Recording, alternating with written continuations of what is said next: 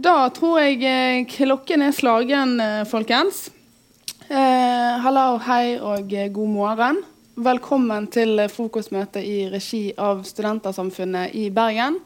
Eh, I dag skal vi snakke om eh, Joseph Biden sine første 100 dager i hans, nye i hans presidentperiode. Og med meg for å snakke litt og belyse litt om eh, dette temaet her, så har jeg Hilmar Mjelde, som er forsker ved Norse og har sitt kompetansefelt på politiske partier og politikk i USA. Så har jeg med meg Gunnar Grenstad, som er professor eh, ved Institutt for sammenlignende politikk. Begge er sampolere, vel å merke. Eh, det er jeg òg, for så vidt, men jeg er ikke noen panelist, så det går bra.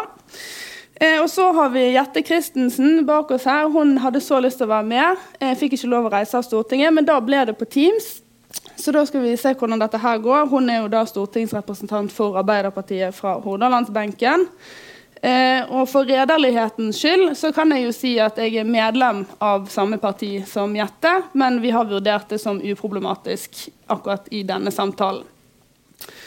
Ja, da eh, har man fått innledet eh, dere, og det, det var bra.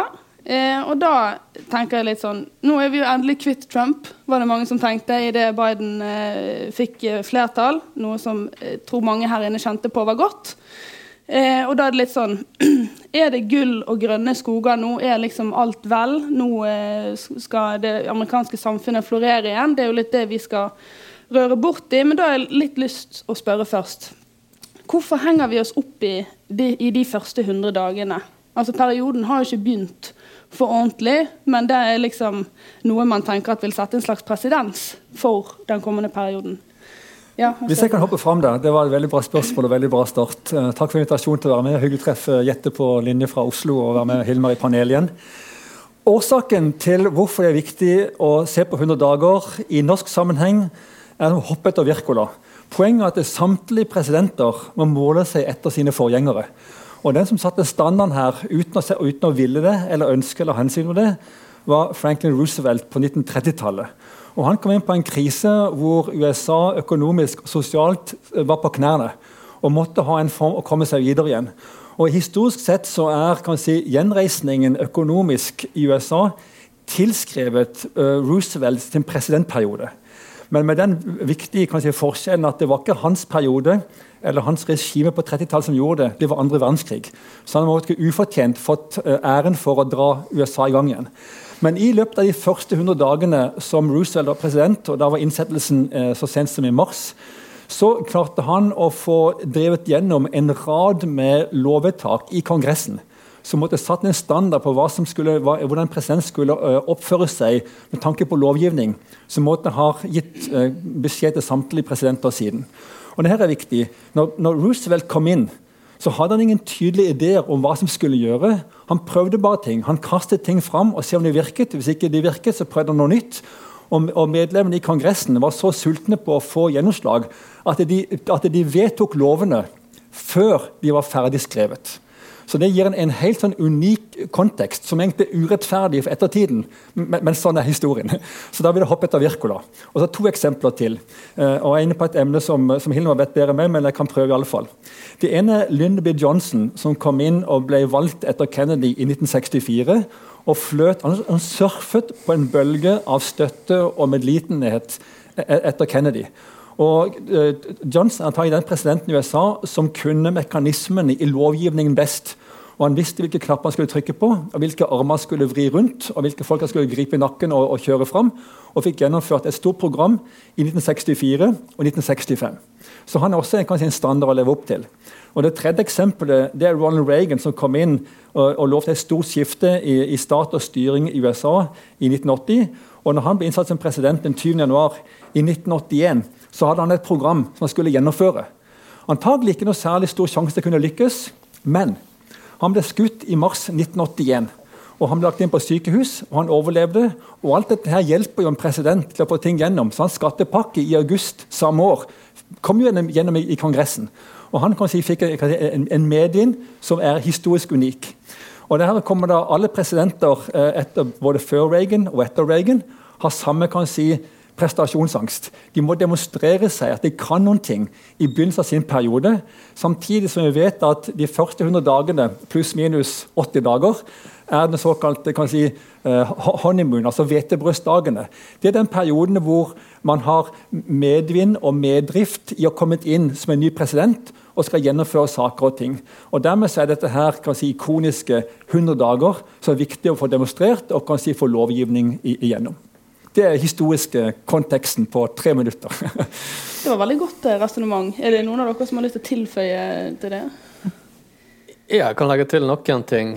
Um, nå har jo jeg òg vært um, fire år på Institutt for medievitenskap etter hvert òg, som jeg er blitt sånn litt mer uh, ut, uh, utvanna i min akademiske profil. Um, nei, eh, politikk og medier henger jo veldig nært sammen. Så i dag tenker jeg, nå når vi er hvor lenge vi, 90 år ifra vekk, eller seinere um, i forhold til Roosevelt-æraen, så er dette her med 100 dager blitt litt en sånn medieemneknagg. Media de organiserer sin politiske dekning ut ifra konsept eh, eller tema eller eh, ja, en, en eller annen sånn historisk uh, idé som bare er blitt noe i seg sjøl. Så i dag er dette her med 100 dager det er bare litt en slags sånn mediedrevet, medieskapt, uh, eller medieforsterka eh, greie som er fortsatt meningsfull på noen måter, men som er òg litt sånn kunstig, tenker jeg, holdt i live pga. en del sånn strukturelle endringer i USA. men når det er sagt um, så er det to ting til jeg vil legge til i forhold til de første 100 dagene.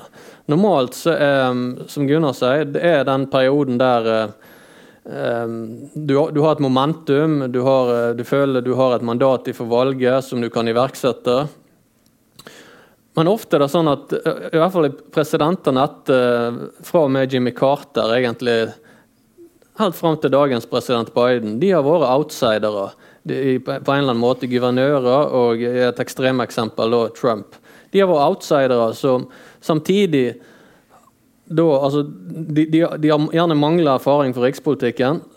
Sånn at når de kommer inn og skal liksom, gjøre mest mulig på de første 100 dagene, så er det òg det tidspunktet i presidentkarrieren der de kan minst. De kan jobben minst.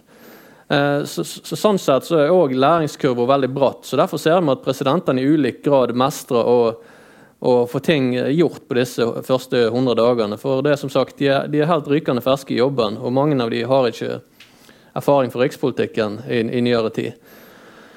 Uh, så da Biden uh, får til så masse som han gjør nå, da kan man litt tilbake til, men det, viser verdien av erfaring og kompetanse i politikken. Så Et annet siste, siste moment det er at enda så har ikke presidenten rukket å havne i en krise. Det har gått for liten tid til at presidenten har rukket å havne i en krise.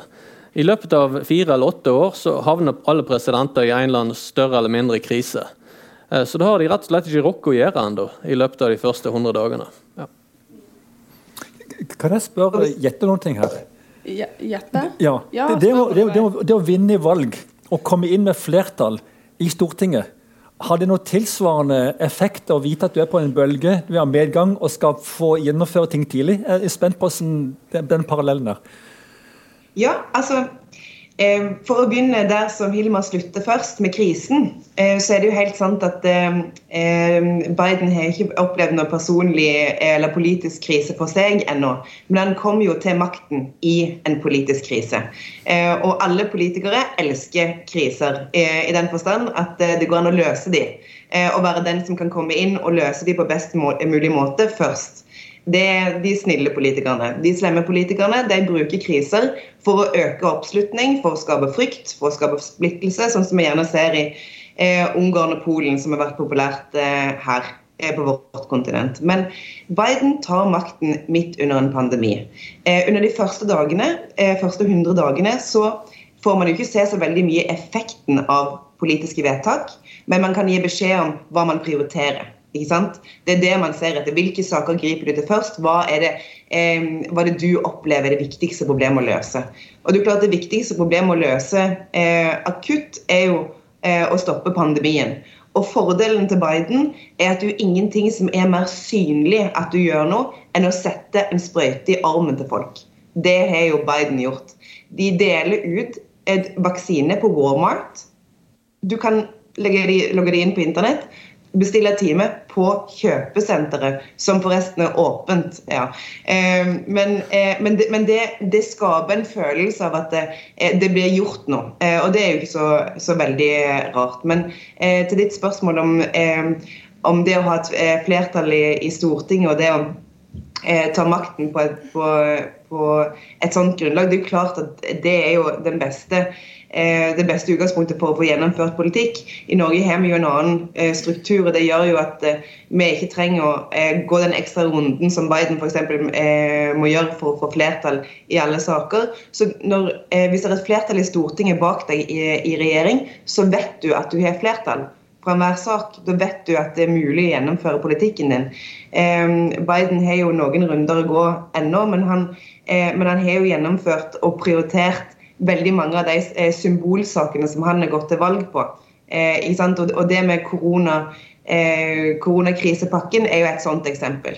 Eh, er, det er jo eh, på, I USA, som, som, her også, så opplever jo mange som er i arbeid, eh, de negative konsekvensene av korona ikke bare helsemessig, men også økonomisk.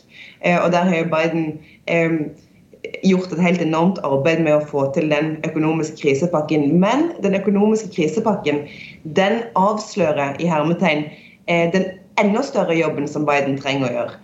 Eh, fordi jeg hørte eh, Urix hadde et sånt program om Bidens 100 dager. for Det er jo sant som Hilmar sier at det, det er jo pressedrevet dette. Det er jo en unnskyldning å, for at pressen kan gå inn og se hvordan går det, eller snakke om USA.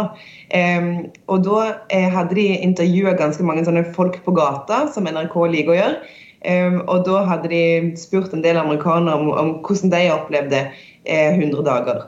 Og da sier en fyr ja, han innførte denne koronakrisepakken. Men den koronakrisepakken den er bare meint for folk som ikke gidder å jobbe.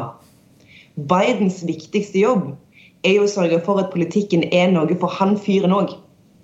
Eh, og gjenreise tilliten til eh, politikk, tilliten til et system som er sånn at man betaler inn, og så får man noe tilbake. At rettigheter ikke er et nullsumspill. Det kommer vi sikkert tilbake igjen til. Men det er utrolig interessant å se hvordan disse reformene blir, blir mottatt. Han tar jo over et land eh, der Trump inntil veldig kort tid siden var president fordi folk hadde stemt på han. Det er jo Bidens største problem. Ja, det, og både vaksiner og dette her med tillit kommer vi tilbake til i. Eh, men et veldig godt resonnement. at eh, Biden er jo han er en mann, eh, men han har jo et helt apparat bak seg. Altså, han er jo med i et parti. Det er jo et parti som har gått inn og tatt disse her kontorene. Eh, og jeg har lyst til å spørre dere litt, Hvordan opplever man at stemningen i partiet er nå? Sant? Er det en samlet posisjon? Eh, er både venstresiden og høyresiden innad i partiet? Syns de det går greit, eller er det en en splittelse der både av det som er framlagt politikk, men òg hvilken figur eh, Biden har på en måte valgt å, å, vise seg som. da. Om dere har noen tanker om det? Altså det, det, største problemet til Biden og demokratene nå etter uh, eh, 20.1, det er å innfri forventningene som er skrudd opp underveis i valget, og måten som problemet skal løses på. Og Det første der som uh, er viktig å huske på, det er at en, enhver, ethvert parti i USA i de siste 30-40-50 årene er en stor koalisjon. Det er sånn ikke som et parti, det er, en, det er koalisjoner av ekstremt forskjellige særinteresser som i løpet av de forrige fire årene skjønte at de måtte samarbeide for å kunne få Trump uh, ut av Det hvite hus. Og Dermed så er det kompromisser om hvem som skal stille, om hvilke saker som skal prioriteres, og hvem som skal kjøres fram helt fram til valget. Og så er det en posisjonering mellom valget og innsettelsen, og hvem som skal inn i ulike posisjoner. Og så kommer jeg til et stort bikkjeslagsmål nå videre. Hvem skal få sine saker prioritert? Og Da kommer vi etter hvert til å kunne få se at Biden kommer til å få ekstremt store problemer med å tilfredsstille de ulike fløyene i partiet sitt. Både med hvem som skal inn i posisjoner, hvem som skal inn i disse ulike understillingene, hvem som skal sitte i ulike kommisjoner, og ikke minst rekkefølgen av lovforslag som skal gjennom Kongressen. For Kongressen har et kapasitetsproblem. altså De har en kapasitetsgrense, og de har folk som både er villige og villige til å, til å, til å være med. Så hvilke, hvilke, saker skal gjennom i Kongressen, i hvilken rekkefølge, blir ekstremt viktig samtidig. Nå har Jette pekt på et par store pakker allerede, men akkurat den mekanismen er viktig å ha med seg når vi skal vurdere den prosessen videre. Um, mitt sånn favoritteksempel uh for å få fram at partiene er koalisjoner, det er da demokratene på 1930-tallet. Da, da, hadde du altså Det demokratiske partiet. Du hadde afroamerikanere, du hadde kommunister, du hadde jøder og Ku Klux Klan i samme parti. Så amerikanske partier er virkelig sånn breie paraplyorganisasjoner. Um, men um, til tross for at man har denne bredden innad i partiet, så ser vi nå at hittil så uh, gjør altså venstresida, Bernie Sanders eller denne Ocasio Cortez-delen av partiet, altså liksom, ytre venstre i Det demokratiske partiet, de, de um, gir Biden mye mindre hodebry enn det republikanerne har gjort i de siste ti årene uh, vis-à-vis sine ledere. Så uh, venstresida i Det demokratiske partiet uh, spiller ball med Joe Biden og gir han og Nancy Pelosi mindre motstand enn da uh, T-partigjengen gjorde vis-à-vis -vis John Boehner og Paul Ryan, um, som var uh, representanthusledere uh, for en del år tilbake i Det republikanske partiet. og Det har med å gjøre at Joe Biden blir oppfattet som en person som alle deler av partiet kan forhandle med. Så Han er en rimelig person som um, Igjen, Han kan dette spillet, han skjønner verdien av å invitere folk inn på det ovale kontor. Han kan det politiske spillet, så han blir oppfattet som en person som eh, alle deler av partiet hittil eh, kan forhandle med og, og få noe ut av. Men jeg tror det er en fare for at han altså i, i, amerikansk forskning så kaller man det overreach. At presidenten prøver å gape over for masse, og så kommer en politisk rekyl. da. Um, vi drar parallellene til LBJ og FDR her. Men de to karene der hadde jo enorme kongressflertall bak seg. FDR hadde det, LBJ hadde det. Sånn virkelig kongressflertall på mange hundre eh, personer. Det er sånn 3, 3, 4, oppimot mellom 300 og 400 på, på deres side, på deres parti.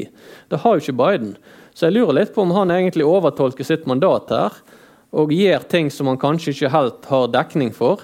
Eh, det vil i så fall vise seg i mellomvalget i 2022.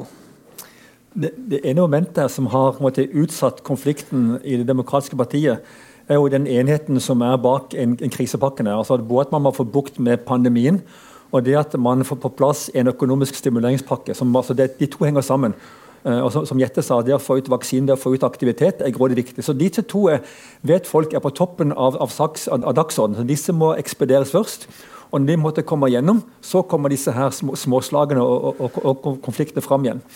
Et annet element som er i forlengelsen av det å få gjennom krisepakken og de ulike tiltakene som nå tar opp mot 6000 milliarder dollar i størrelse, det er sånn, det himmelske, himmelske tall egentlig, det er egentlig at Biden vet bedre enn en andre at det viktigste som han må klare å mestre nå, det er mellomvalget i november 2022. Og Det viktigste for å få det i hans og demokrats favør, det er å få økonomien i gang så fort som mulig, og få velgerne over til sitt parti og tilfredsstille økonomisk vekst og økonomiske krav. og Det må man begynne med allerede nå. Så Derfor har det vært ekstremt viktig å få det på plass og få gjennomført det videre. Det er ikke sikkert alle tenker like langsiktig som til 2022 akkurat nå, men, men, men for Biden og partiet sin del så er det grådig viktig å ha de tankene med de sakene de vil ha gjennom eh, akkurat nå. For Historisk sett så kommer Biden og demokratene gå på en smell i 2022. og Da mister han flertallet i Kongressen og vil ha mye større problemer for gjennom politikken sin. Ja, Jette? Ja, eh, og eh, annen, han har gjort et veldig interessant triks med eh, å holde venstresida i partiet på sitt lag. Eh, og det, er sånn jeg ser det, er at eh, det viktigste eh, enkeltvedtaket for deg var å få til barnetrygden. Det klarte han. Eh, og det eh, Jeg sier ikke at han kjøpte venstresiden med barnetrygd, eh, men jeg sier at det bidrar. Og det gjør at han kan holde deg engasjert og motivert på sin side. Veldig mye lenger enn hvis han ikke hadde kommet med disse sosiale reformene med en gang. det er veldig det er en politisk valuta for han når han skal holde partiet samla. En annen del av den valutaen er Camilla Harris. Eh, fordi må, Hun har ikke vært noen utpreget venstresidefigur eh, som leders, lederskikkelse i det hele tatt. Men det er jo klart, venstresiden følger jo veldig med på hvordan hun blir behandla, hvilken plass hun får, eh, eh, og hvilke politiske resultater hun får mulighet til å på en måte kassere inn. Hun har jo blitt satt på, til en slags Urias-post, Eh, hun har blitt satt til å løse et av de virkelig store problemene eh, i USA. Hvordan skal vi håndtere grenseproblematikken, hvordan skal vi håndtere menneskeflyten. Hvis hun blir isolert til å kun jobbe med vanskelige saker, så blir det vanskelig eh, for også Biden å eh, holde hun motivert, holde hun skinnende og ikke minst mobilisere den store organisasjonen som, som gleder seg veldig til hun skal bli visepresident i USA, og ikke bare en arbeidshest. Eh, sånn at måten han, eh, måten han holder laget samla på, eh, og tar ansvar for hvis hun ikke lykkes de første 200 dagene med dette enorme prosjektet som ingen har lykkes med de siste to generasjonene, det vil også være noe folk skjeler til. Ja, jeg, jeg har bare et sånn superstatsvitenskapelig nerdepoeng som jeg vil legge til. Hvor mange er for Sandpoler? Ja, nei, det var jo tre fjerdedeler. Um, USA som du vet, sant, det er et presidentregime i styringsmodell. Sant? Kongress og president skal egentlig holde hverandre i sjakk.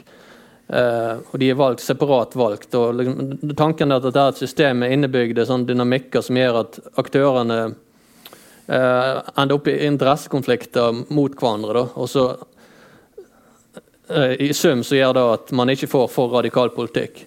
Men når man har veldig sterk partiidentitet De har ikke sterke parti i USA, de har svake parti, men sterk partiidentitet. I en sånn situasjon så overkjører den partiidentiteten litt maktfordelingsmekanismene. Sånn at når du har samme parti som styrer kongress, som er Det hvite hus, så opptrer de eh, så kollektivt til at de, at de, setter litt til side disse innebygde maktdelingsmekanismene, som gjør at USA nærmest virker mer som et parlamentarisk system. Eh, der ett parti kommer inn, og så bare dundrer de gjennom det de vil, helt til eh, de mister flertallet sitt. Så det er bare sånn apropos et sånn statsvitenskapelig poeng. altså at USA vi ser islett av parlamentarisme i måten eh, USA fungerer på nå. En, anekdote der George W. Bush i begynnelsen på sin periode som president på 2000-tallet han sa, understreker akkurat det poenget der han sa at hvorfor skal jeg legge ned veto, fordi Kongressen sender meg alt jeg vil signere likevel. Og Dermed så får den koblingen mellom Kongressen og presidenten som, som kortslutter egentlig denne her maktdelingsprinsippet som eksisterer i utgangspunktet. Og, og, Det er en interessant mekanisme som, som ligger der. Ja, Eh, og da, Nå er vi jo litt på hva er det man får igjennom, hva er det man eh, ja, har valgt å prioritere nå da i disse første 100 dagene. Så tenkte jeg vi kan gå litt inn på politikken og de tiltakene man har valgt å sette i gang. Det var jo nevnt korona. Eh, det har jo òg vært dette her med immigrasjon, som du sier, Jette. Det har vært et problem ved grensen. Og så denne her infrastrukturpakken og ja, mye. Eh, jeg vet ikke om dere bare har lyst til å gripe fatt i noe her, eller? Eh, kan jeg bare starte med litt, en artig sak der? Altså, jeg synes den er artig. Det viser litt av spillet i Washington DC.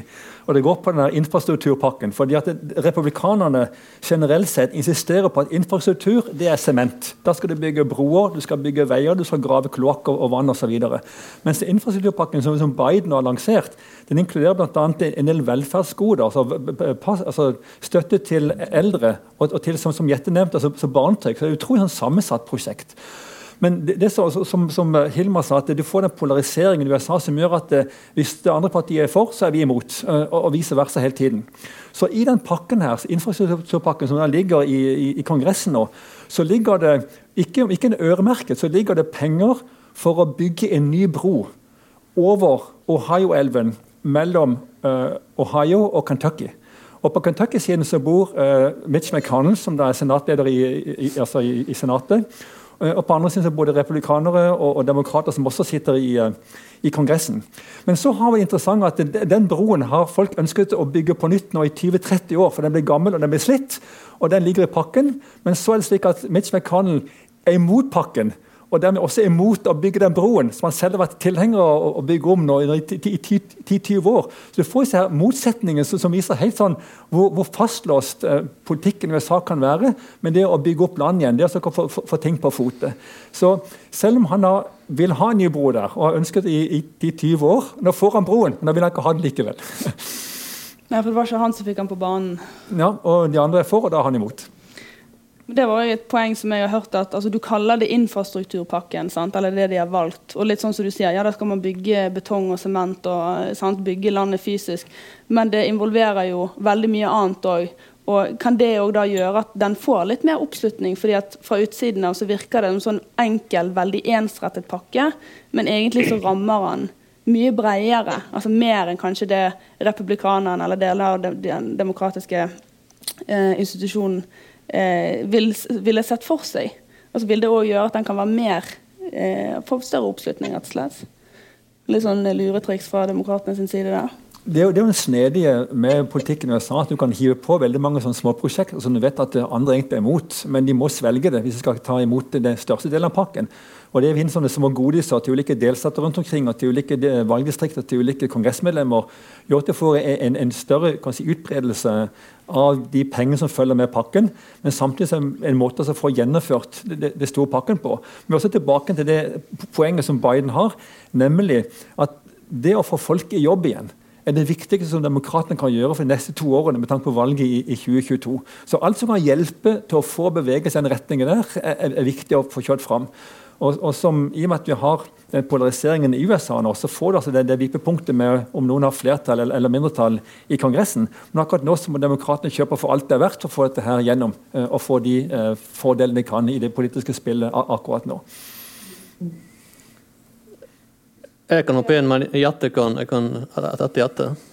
Ja, ja, altså um, I USA er politikk eller, og politikere veldig mye mer harry enn i Norge. Um, fordi uh, det uh, En harry politiker, sånn som jeg ser det elsker, er uh, å åpne ting, klippe snorer, se på ting. ikke sant? ha visuelle resultater av politikken.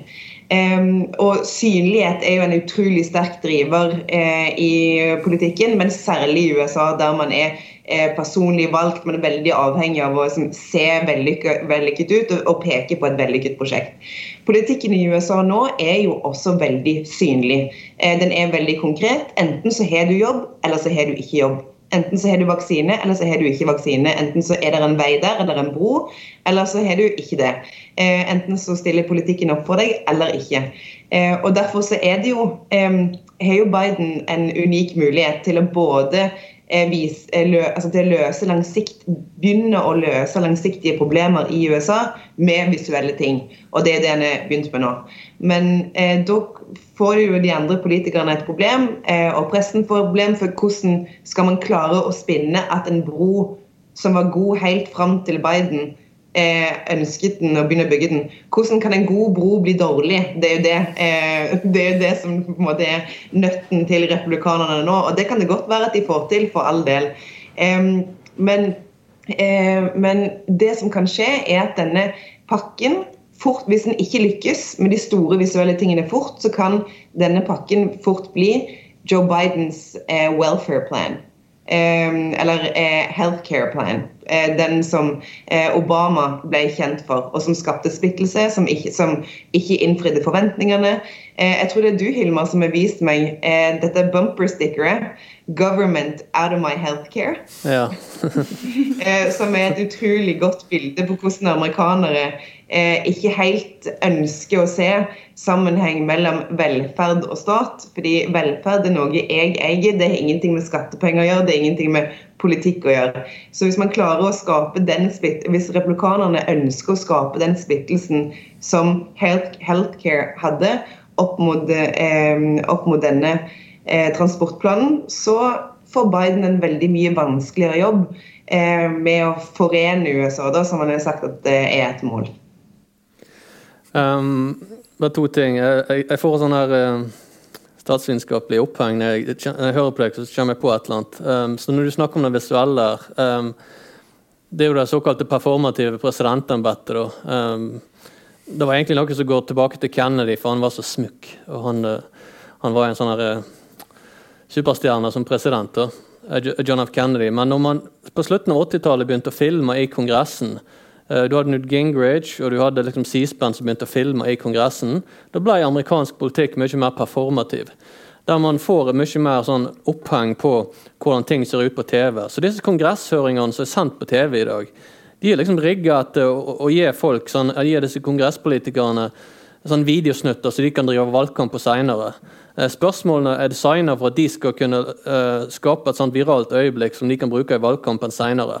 Så politikk som spektakkel, eller sånn skue, politikk som noe performativt, det er faktisk et reelt problem i USA. Man så at uh, disse krisepakkene til Biden de har jo nå en verdi på 6, uh, 6 trillion dollars, altså 6000 milliarder dollar. Uh, det, det, er sånn 12 eller 18 nuller. Jeg vet ikke, Det spiller ikke så masse rolle 12 eller 18 nuller, for det, det er allerede såpass masse.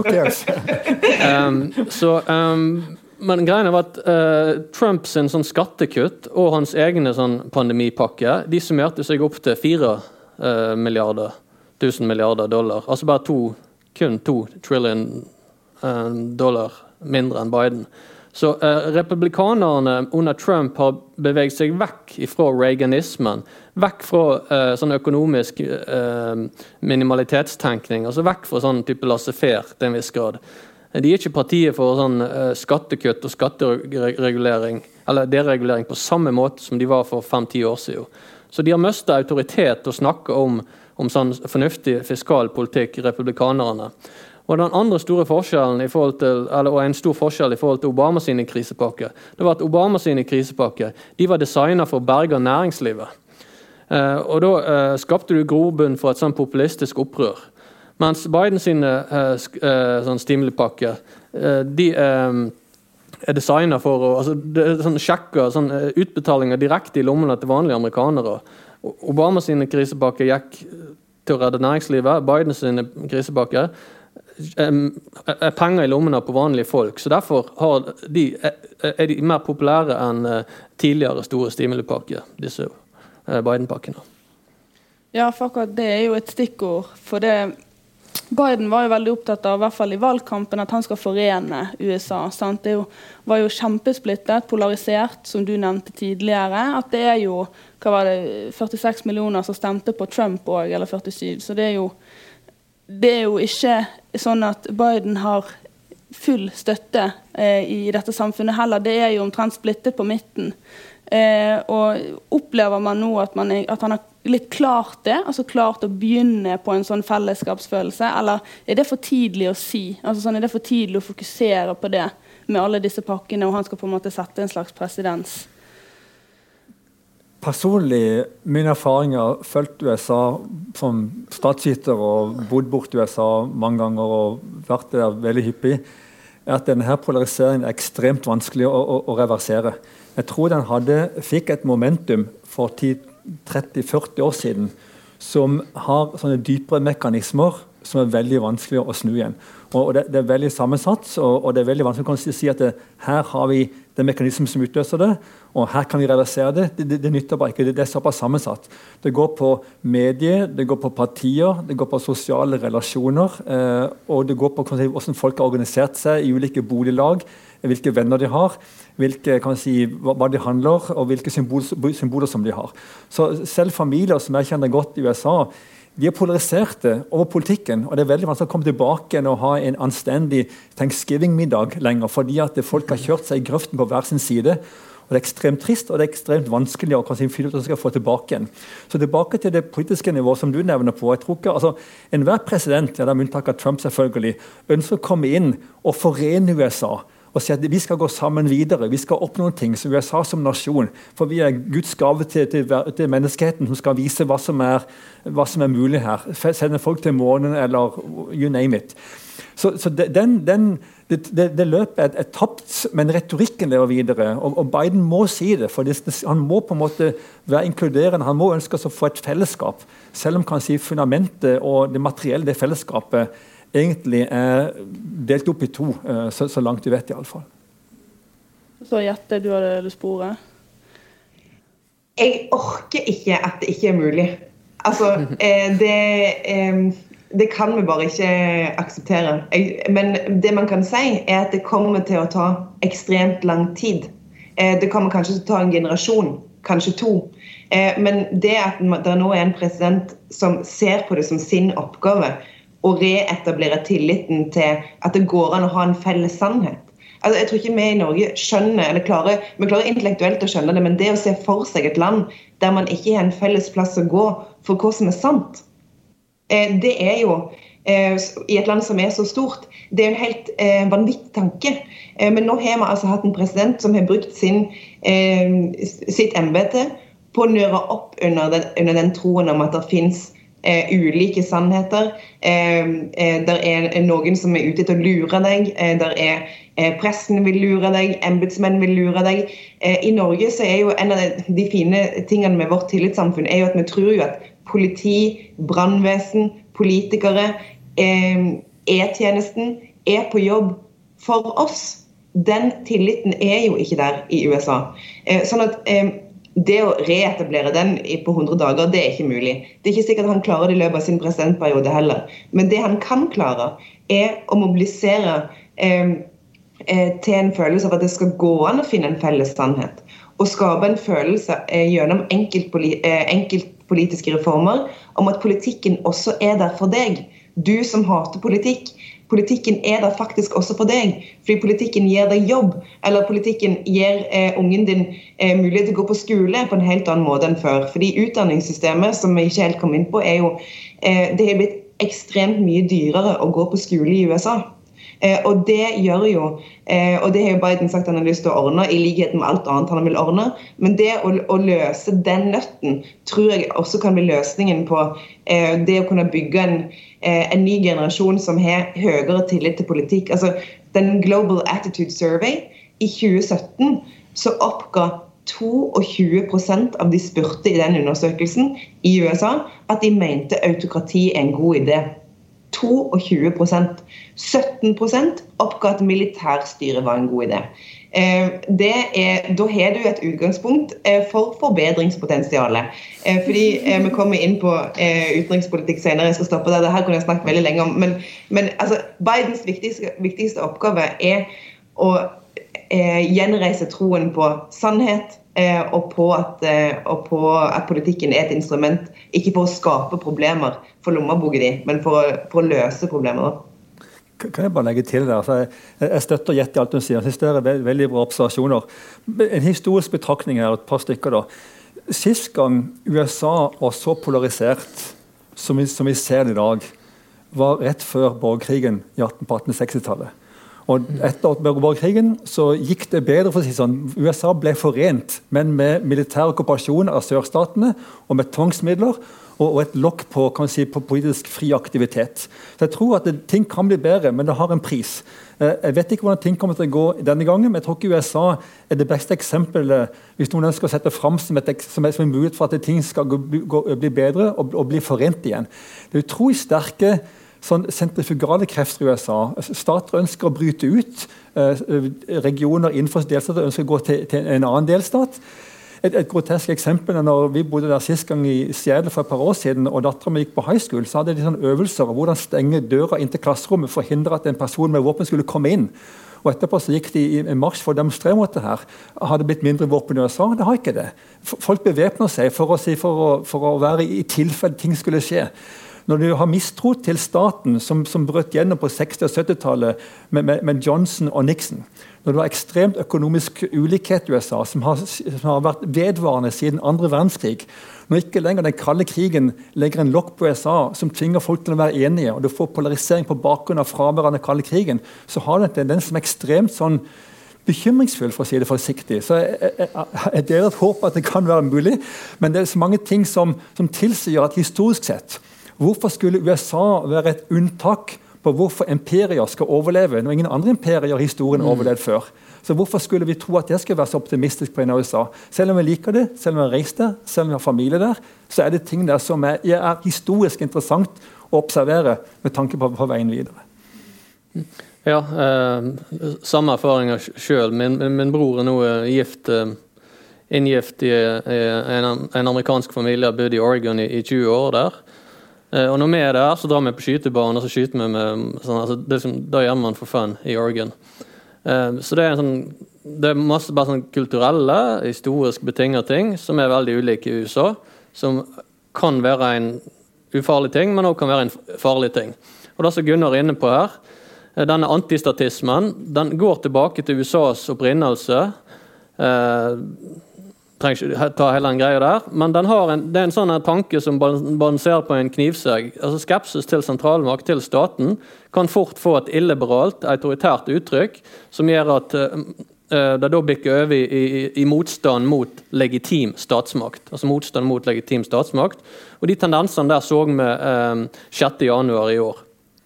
Men nå er jo altså da Trump uh, vekke. Jeg pleier å si sånn at, at, at Trump, når han forsvant i januar, det er litt som altså, Hvis du tenker en sånn brannalarm som står og uler intenst høyt lang tid, og så bare kommer noen slå av den brannalarmen. Og så er det bare en sånn helt stillhet i en sånn periode. Sånn har liksom de første tre månedene vært. Eh, du har fått en slags sånn relativ stillhet, ro, i noen måneder nå. Og det har med å gjøre at du har fått inn en president som eh, ikke er Han går ikke inn for å være bevisst provoserende hver bidige dag. Det har veldig masse å si, i hvert fall i det korte bildet. Han går ikke inn for å stå provoserende. Så har du òg en sånn diskré sjarm eh, altså i, i, i, sånn, i, sånn, lavmælt kompetanse. At han veit hva han driver på med. Derfor er jeg så opptatt av at jeg vil ikke ha kjendiser som Jeg vil ikke ha The Rock, jeg vil ikke ha Will Smith, jeg vil ikke ha um, noen av disse andre, Matthew McConaughey, uh, som presidentkandidat i USA. Du må ha folk som veit hva de driver på med, som har vært i gamet. Da. Og da har du med Joe Biden, og da hjelper i det korte bildet. Men som jeg skrev i en sånn kronikk i januar, den politiske ustabiliteten i USA vil eh, fortsette, for det er i sin kjerne nå en kulturell konflikt. Der begge partene, venstresida eh, versus høyresida, om du vil kalle det det, demokrater versus republikanere, det er paradoksalt at begge partene føler de taper denne kulturkrigen. der. Begge partene føler at nå er de i ferd med å tape. Og Da får du en sånn eskaleringssyklus der hver part hopper på det siste. Eh, gærne den andre parten sa. Og Så får du en sånn eskaleringssyklus som er veldig vanskelig å komme ut av. Sånn at Nå ser demokratene republikanerne som det største problemet i USA, republikanerne ser demokratene som det største problemet i USA. Så jeg, jeg, jeg, er helt enig med Gunnar. Det er ikke noen sånn her suksessformel her. Så jeg, Av og til blir jeg helt sånn filosofisk. Jeg, liksom begynner å trekke inn um, Hegel og dialektikken, som er liksom tanken om at historiens pendel svinger fram og tilbake, og at over tid så går ting seg, tid, eh, går ting seg til. Det blir litt tumulter i perioder, noen tiår, men så går det seg til over tid. Da. Så vi får se. Jeg håper at det er håpet eh, som får seire litt her. Eh, vanligvis sånn cirka på dette tidspunktet så eh, åpner vi for spørsmål. Eh, vi har ikke fått eh, gått innom klima, for dere preiker så jævlig. og, og så har vi heller ikke fått kommet innom utenrikspolitikk, som jeg tenkte at vi skulle røre litt med. Sant? Så der har jo Trump kjørt en sånn linje. Så da spør jeg egentlig salen om, eh, om vi skal få lov til å få snakke litt om det, eller om dere har lyst å stille spørsmål nå. Preik i vei? OK, da, jeg tar det som at da gjør vi det. Eh, klima må vi faktisk litt raskt inn på, fordi at eh, der har jo det vært eh, Der er jo en stor omveltning fra hans eh, tidligere eh, ja, fra Trump. da. Sant? Du meldte inn i Parisavtalen, eh, man hadde dette klimatoppmøtet, det er masse greier. Sant? Biden skal nå på en måte gjenreise eh, ja, USA både som verdensmakt, på en måte, men òg som en grønn verdensmakt. Eh, kan man se nå altså helt konkrete, gode tendenser til at man faktisk kommer til å gjøre noe innenfor klimapolitikken, eller er det bare enda finere store ord som man har hørt ellers? Ja.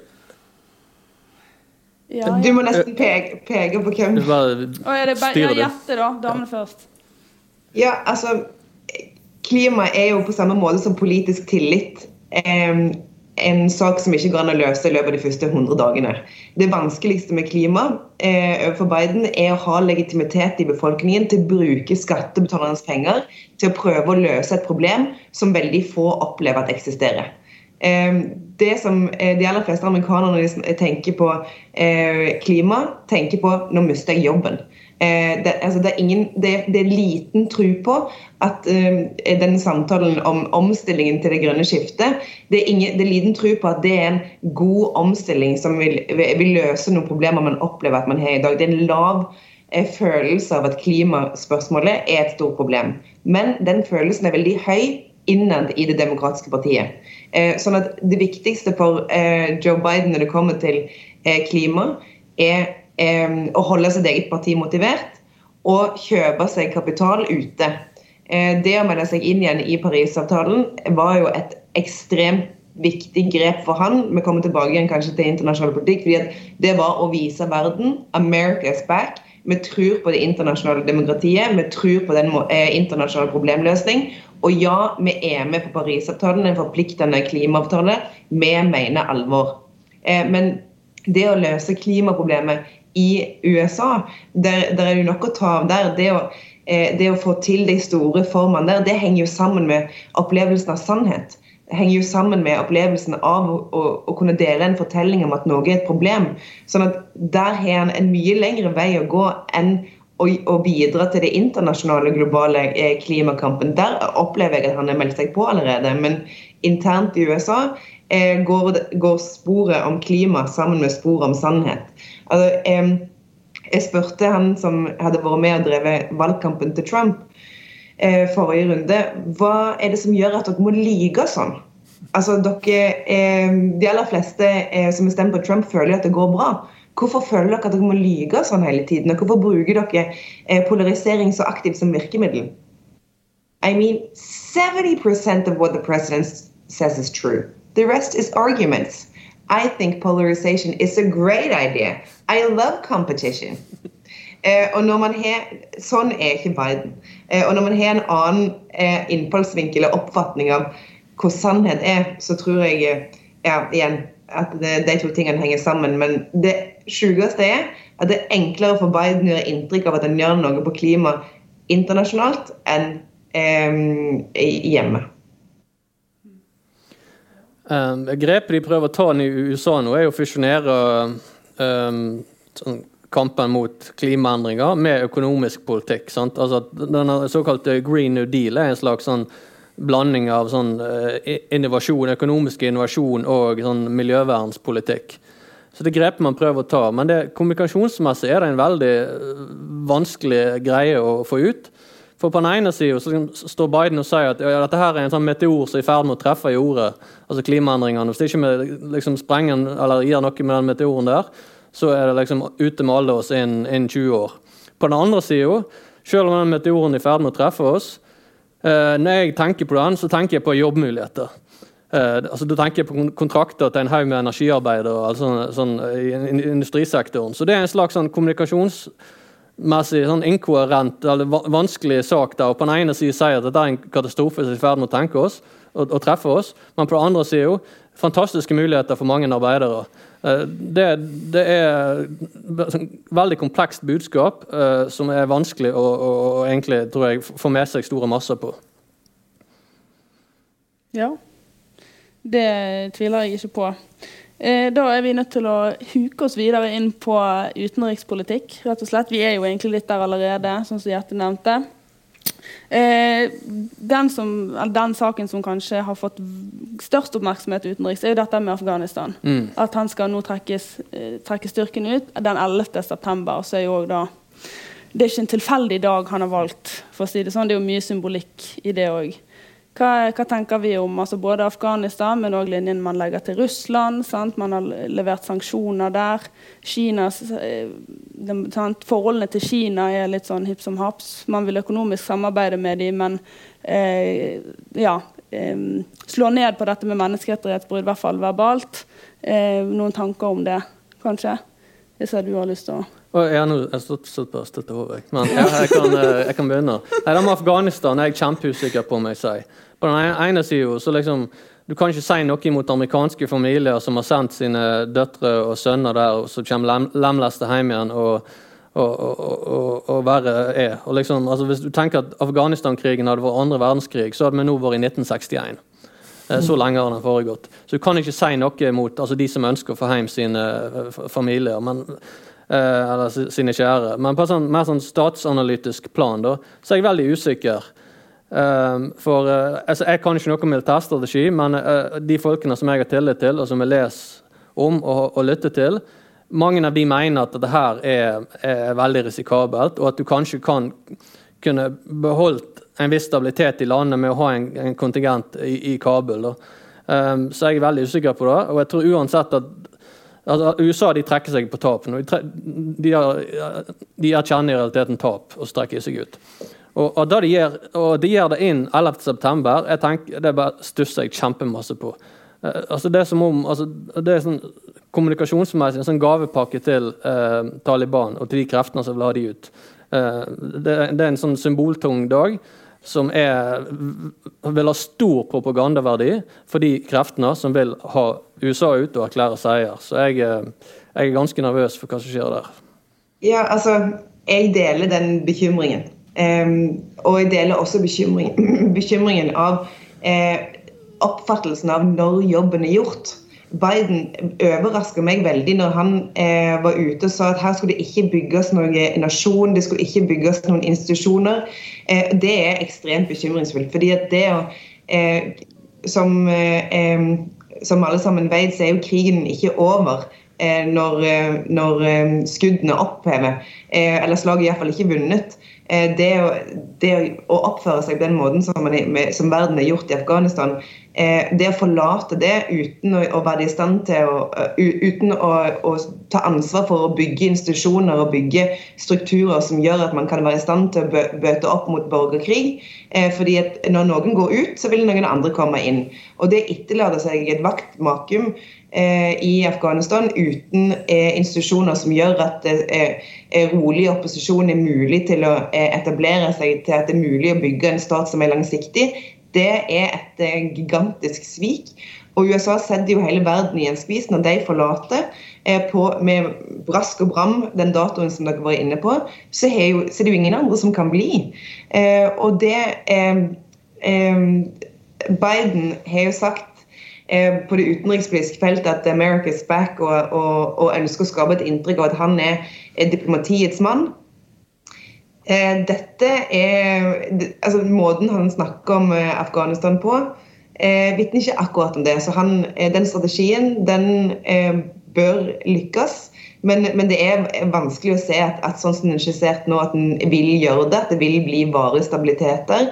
Vår egen E-tjeneste gir jo ut eh, fokusrapporter en gang i året. Og i den som er den, den åpne trusselvurderingen, så, så skriver jo E-tjenesten om Eh, om risiko for, for borgerkrig i eh, Afghanistan pga. maktvakuum. Og det, eh, det, tror jeg ikke er så, så fjernt.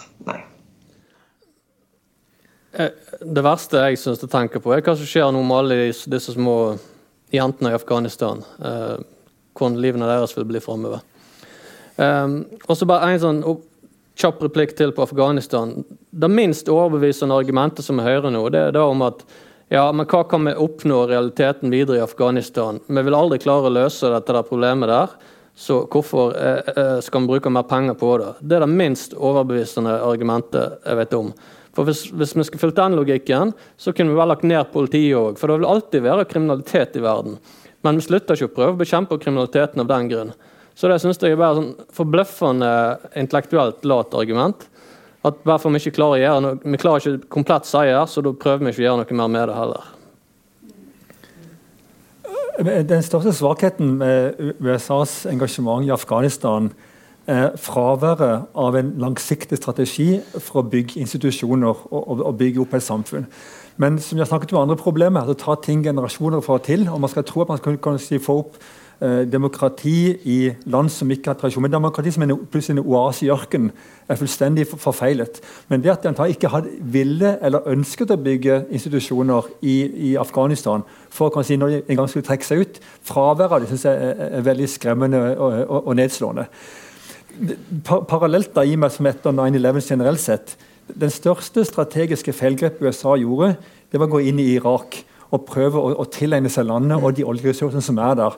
Og gå inn i en si, militærmessig hengemyr som de har slitt med i alle år. Så Det, det var det store feilgrepet. Mm. Hvis ikke hadde gått inn i Irak, så kunne han klart å, kunne, å mestre utfordringene i Afghanistan. Men to sånne konflikter samtidig, det var mer enn USA som en supermakt med sin kapasitet kunne klare en litt sånn parallell tilbake til tampen av Vietnamkrigen, når USA skjønte at de ikke fikk gjennom sine mål der nede, så var det en, en eh, politiker som sa Let's just declare victory and get out. Altså, nå er det kommet til slutt. Vi kan ikke gjøre det her mer. Og dessverre det vi ser oss i Afghanistan. Det kommer til et punkt vi ikke klarer mer. De har ikke mer mestring.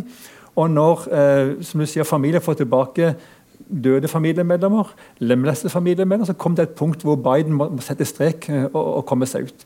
Det er et felt som jeg ikke kjenner særlig godt, men strategisk sett så, så tror jeg USA vil være bedre tjent med å engasjere seg mindre militært eh, i verden. Mm. Gå tilbake til sin le som leader of the free world, men med mer myk myk makt enn den harde makten som de tross alt uh, besitter, og som de kan bruke feil, og som de har brukt feil. Ja, det er jo på en måte andre avtaler òg. Altså, eh, Trump trakk de ut av Iran-avtalen òg, og man vet ikke helt hvordan man skal røre ved den. Og så er det jo sant, samarbeidet med Nato og diverse ting har jo blitt litt forpestet over tid. Og det at Russland òg har jo da deres interference i 2016-valget, noe forsøk på det i 2020 òg. Og der har jo Biden sagt at det, nå er det nok. Nå er det på en måte nok eh, kødd med USA. Nå styrer vi på, på egen hjemmebane igjen. Eh, så da er det jo både det utenriks, eh, utenrikske aspektet, men så er det det innenrikse. Man skal prøve å balansere det på en eller annen fin måte. Sant? Vise at vi skal gjenopprette oss sjøl som på en måte en verdens internasjonale ledestjerne, men vi skal òg bygge innifra. Det er jo to sinnssykt tunge oppgaver som kan nesten virke umulig. Jeg vet ikke om dere vil ha noen sånn avsluttende ord på dette her. Da. Nå har vi tre minutter igjen. Ja, en, en kort uh, kommentar på det. Noe som er veldig instruktivt som skjer nå, tenker jeg, i forhold til forholdet mellom det innenrikspolitiske og utenrikspolitiske. Nå snakker man gjerne om at man er i en ny kald krig med Kina, da, selv om den i realiteten uh, altså, dreier seg mer om teknologisk enn en militær kappløp. Uh, men når USA var i en kald krig med Sovjetunionen, så var det ingen i USA som betvilte at USA var den gode aktøren i den konflikten der. Men nå innenriks i USA så er det stor uenighet om USA faktisk er den gode aktøren her. Pga. den revisjonen som pågår i forhold til deres egen historie. Eh, det er ikke lenger noen nasjonal konsensus innad i USA om at vi er de gode. Og da tenker jeg er et stor sånn, altså Noe som holder USA tilbake i verden òg. Når de ikke har uh, orden i egne rekker, eller når de, når de er så splitta internt, så um, har det store konsekvenser for hvordan USA kan uh, opptre internasjonalt òg. Og Kina altså Hva vil skje i den nye kalde krigen med Kina? Jeg vet ikke. Kina er det mest suksessfulle autoritære regimet i verden. Og eh, den viktigste bilaterale eh, relasjonen til USA framover. Så jeg er spent på hva som skjer hvis noe skjer i Hongkong eller i Taiwan.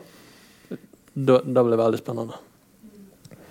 Jeg tror Europa vil slite fælt hvis de ikke har USA med som et eksempel eller en moralsk kraft i, i, mm. i, sin politikk i verden om å bevare demokrati og bevare rettsstat. Hvis ikke USA har evne og vilje til å spille en rolle der med moralsk autoritet, så vil Europa slite veldig fælt med å holde disse idealene framme. Så jeg håper og tror som Jette at, at det her går riktig vei, men jeg er bekymret samtidig. Har du noen siste ord, Jette? Uh, uh, I have many words. Um, jo, for å prøve å avslutte litt der vi begynte òg, så er det um, Når 22% av USAs befolkning sier at de syns at autokrati er, en god måte å styre, styre USA på, Eh, så har jo Biden eh, det som sin fremste oppgave å, å, å, gjøre USA til et godt eksempel på et demokratisk land. Eller, må, eh, eller et godt eksempel på demokratisk styresett. Det var jo ikke bare USAs demokrati som ble angrepet 6.1. Det var jo hele ideen om demokrati som styresett nå. Når det skjedde, så kunne du høre et latterbrøl fra Minsk til Hongkong. Eh, fordi at Da ble USA et dårlig eksempel på hva, man, hva som skjer når man, eh, man, altså man, man ga autokrater argumenter. Eh, så Biden er nødt for eh, å få de 22 prosentene eh, til å tro på demokrati som styreform. Da må han eh, bruke innenrikspolitikk for å gjøre seg selv til en troverdig aktør ute. fordi Biden har jo eh, plassere seg sjøl der. Han sier han ønsker å være med. Eh, verden tar imot den med åpne armer. Noen sier at Europa er redde for USA, tilliten er brutt. Det, den, den, er, eh, den, er, ikke brutt. USA er ikke eh, ute av stand til å komme til Europa, komme til internasjonale avtaler. USA er velkommen tilbake. Eh, vi trenger USA. Så, eh, og det er ikke sånn at eh, når de kommer til bordet, så må ikke de bruke lang tid for å overbevise oss som er demokrater, til at de sitter der. Eh, det, den jobben er gjort i det sekundet de inntar plass. Men det eh, de må gjøre, er altså Biden har adressert det største problemet Europa sliter med.